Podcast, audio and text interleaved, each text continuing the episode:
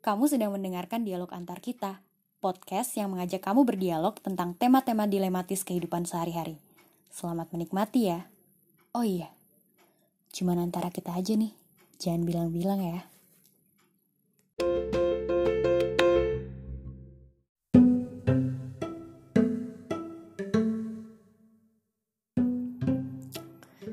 Ada satu hal yang cukup signifikan gue rasain belakangan ini tapi gue masih bertanya-tanya apakah ini hasil dari kuarantin yang emang udah mau setahun yang sekaligus WFH juga udah hampir mau setahun atau karena emang kerjaan gue di bidang digital yang emang udah bertahun-tahun? Satu hal yang kayaknya gue rasa ya beda banget gitu sama diri gue di dulu-dulu. Karena gue kayaknya mulai jatuh cinta nih sama Jomo alias joy of missing out. Nah, kalau kalian pernah dengar istilah FOMO, fear of missing out, adalah sebuah istilah yang merupakan lawan dari JOMO tadi. Istilah ini ngegambarin fenomena di mana orang-orang takut banget buat ketinggalan update terkini. More or less, ini juga katanya sih impact dari arus informasi yang dinamis dan kenceng banget nih di zaman sekarang yang emang udah serba digital di mana update informasi berubah dalam sekejap mata aja nggak kayak zaman dulu. Kalian inget gak sih zaman dulu? Zaman zaman ketika HP kita masih belum canggih dan teknologi di dunia online juga nggak secanggih sekarang. Kayak kalau kalian inget-inget dulu tuh warnet populer banget. Karena kalau kita mau googling kita tuh kayak harus pergi ke warnet dulu mau kepoin profil gebetan juga harus ke warnet. Dan sampai pas udah pacaran pun mau tuker-tukeran testimonial di wall juga harus lewat warnet. Paling banter cuman bisa SMS-an atau teleponan atau paling canggih dikit lah agak canggihan dikit itu kita udah mulai ke YM alias Yahoo Messenger. Tapi entah gimana ya rasanya dibandingin sama sekarang. Even gue gak bisa bilang lebih damai but at least di saat itu gue merasa semua orang cuma ngurusin urusannya masing-masing. Gak kayak sekarang yang kayaknya di setiap detik setiap saat ada aja hal yang diributin. Dan kadang harus informasi yang kenceng ini juga bikin kita seolah-olah gak punya kendali nih buat ngefilter apa-apa yang sebenarnya gak selalu kita butuh tahu juga gitu. Oke, okay, so jadi balik lagi ke fenomena FOMO. Setelah gue baca-baca ternyata konsep FOMO ini pertama kali dipopulerkan tuh di tahun 2000 sama orang yang namanya Dan Herman. Jadi itu konsep atau istilah sempat dormant terus muncul lagi di zaman sekarang. Nah, studi yang dia lakuin itu di tahun 2000 itu nemuin bahwa ternyata 70% dari warga negara berkembang sering ngalamin FOMO ini. Dan e, mereka sering ngerasa takut bahwa sesuatu sedang terjadi di luar sana tanpa mereka tahu atau bahkan tanpa mereka jadi bagian dari kejadian itu. Fear of missing out. And that's what happened to me years behind. Gue bisa bilang dari zaman dulu tiap kali ada sesuatu yang baru, terutama kayak tren social media, gue selalu ngerasa pengen jadi one of the first users. Mulai dari zamannya Friendster, MySpace, terus masuk ke Facebook, Twitter, SoundCloud, uh, apalagi ya, ya baru terus masuk ke Instagram. Pas lagi masa-masanya beneran tuh Instagram tuh portofolio foto-foto orang itu cakep-cakepan foto. Sampai kemudian ke TikTok di zaman TikTok masih dianggap alay. Rasanya tuh kayak I always wanted to be part of the initial users gitu sekedar tahu doang tapi seenggaknya ya udahlah yang penting gue udah bikin account di sosial media itu gitu kan. Kayak uh, yang penting tahu duluan aja gitu. Dan mungkin positifnya ini juga kali ya yang ngebantu gue untuk lolos kerjaan gue di bidang digital. Karena dulu gue kerja di publisher ya mau nggak mau emang gue harus ada beberapa langkah di depan dibanding yang lain. Karena gue perlu tahu informasi dan gue harus nulis itu dan informasiin ke readers gitu kan. Terus pindah juga gue juga pernah kerja jadi personal writer buat seseorang yang emang dia itu sering banget ngisi acara-acara seminar dan talk shows bertemakan digital dan teknologi. So I have to write for her. Jadi gue emang um, mau nggak mau harus ada beberapa langkah di depan dia atau di depan orang-orang untuk tahu what's hot today so that I could write the speaking materials. Terus akhirnya gue masuk ke dunia agency, advertising, lebih lagi. Mau nggak mau suka nggak suka telan deh tuh mantengin tren terkini di berbagai platforms gitu.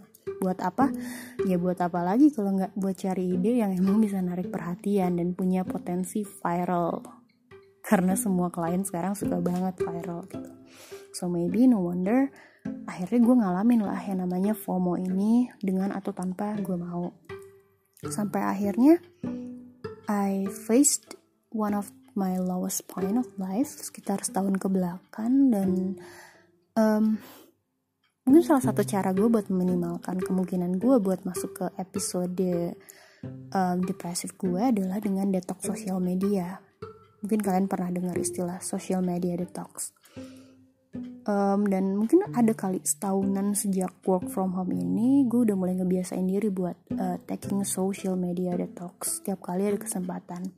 Kayak kalau gue lagi day off, lagi weekend, lagi long holiday, gue selalu sign out dan uninstall semua social media gue dari HP gue.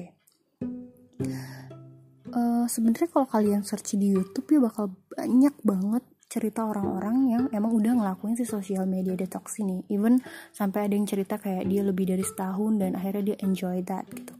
Dan tentunya menurut gue orang-orang tersebut either emang punya privilege untuk nggak bekerja di uh, bidang yang berhubungan langsung dengan digital atau emang mereka uh, ngambil resiko untuk jeda dulu dari kerjaan mereka yang mungkin berhubungan sama dunia digital gitu. And believe me, kalau kalian nontonin satu persatu, hampir semua dari mereka itu akan bilang bahwa taking a break from online life totally changed the way they see this life. Kayak awal-awal kita pasti akan uh, ngerasain gitu ketika kita stop using social media kita pasti akan ada perasaan kayak duh kira-kira gue bakal jadi kudet nggak ya? Gitu. Kudet kan kurang update. Atau nggak ada perasaan kayak nanti gue bisa nggak ya nyambung sama orang kalau ada orang ngomongin sesuatu takutnya kan nggak catching up the trend gitu.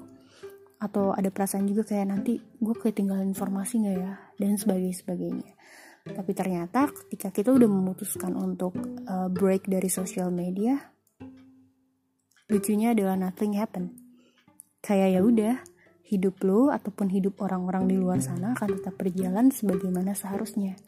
And somehow that's what I feel ya gue bisa bilang gue nggak langsung ngekat sosial media semuanya sih karena nggak mungkin juga tuh I still use Twitter gue mulai satu persatu dengan um, social media detox itu dari Instagram dan Facebook. Facebook mungkin kalian juga udah lama sih nggak pakai gitu. But Instagram, hmm, kayak bisa gue bilang Instagram adalah salah satu aplikasi yang intens banget gue pakai dan teman-teman gue pakai gitu.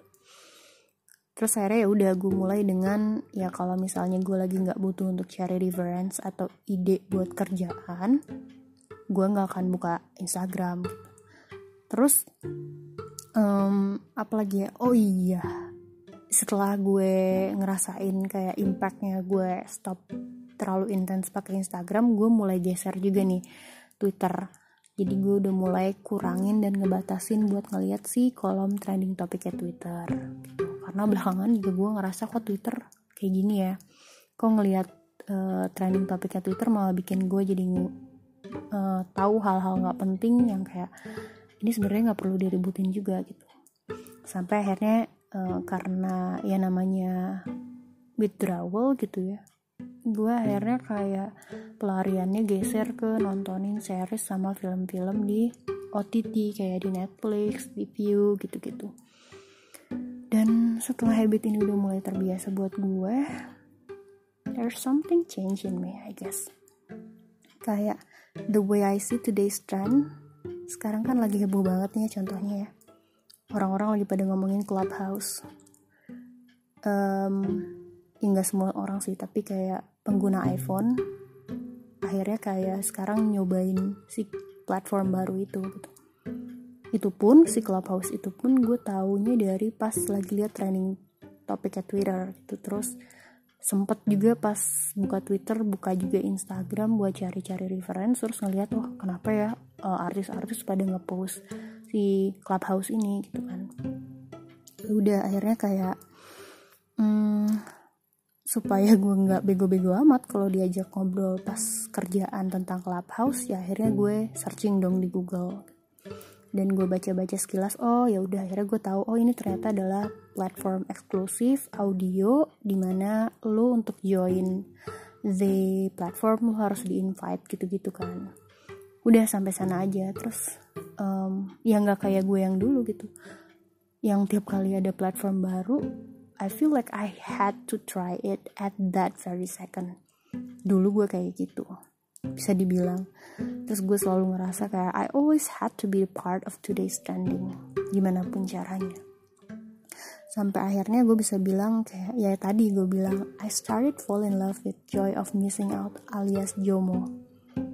Kayak selama ini ke mana aja ya gue baru nemu betapa nikmatnya hidup tanpa harus selalu berusaha jadi bagian dari today's trend kayak ternyata ada ya. Ketika kita ada di batasan cukup tahu aja tanpa harus jadi bagian itu udah cukup. I don't know. Tapi gue jadi ngerasa lebih hidup untuk hari ini dan detik ini aja sejak udah gak sefomo kayak dulu. Maybe again ini juga bisa jadi impact kerjaan gue yang di bidang digital. Karena emang udah kecapean terus-terusan mantengin tren buat kerjaan. Jadi ketika punya momen free di mana gue bisa nemuin kesenangan tersendiri ketika bisa hidup tanpa mikirin what's today's trend ya udah gue nikmatin gitu. Terus kayak pelariannya ya udah jadi kayak nontonin series nontonin film yang belum beres atau doing my hobby gitu. Oh but one thing ada satu hal sebenarnya agak-agak gue ngerasain aduh ternyata jadi jomo juga ada efeknya ya gitu.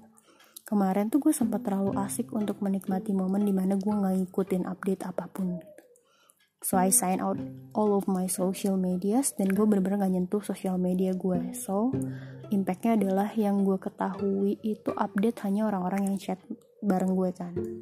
Terus pas gue buka sosmed lagi kaget lah karena ada beberapa info yang menurut gue crucial banget yang harusnya kalau gue buka sosmed sih harusnya gue tahu lebih cepat gitu.